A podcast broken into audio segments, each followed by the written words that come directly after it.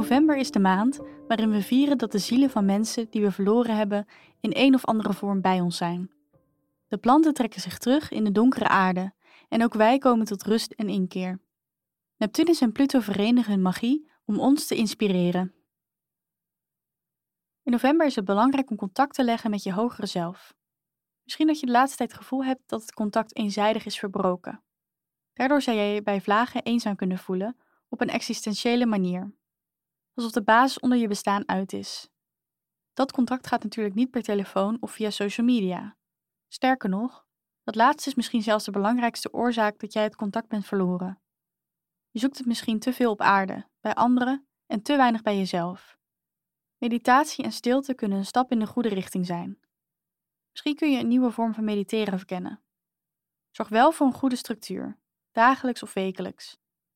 Een incidentiële sessie is waarschijnlijk genoeg. Neptunus wil je verder uitnodigen om eens diep te kijken in de enorme schatkist aan talenten die tot jouw beschikking staat. Laat je verbeelding spreken.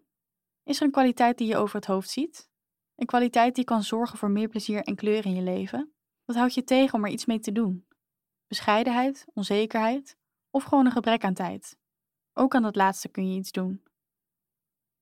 Bedankt voor het luisteren. Wil je je maandhoroscoop nooit meer missen? Vergeet dan niet om je te abonneren op ons kanaal. Liefs, happiness.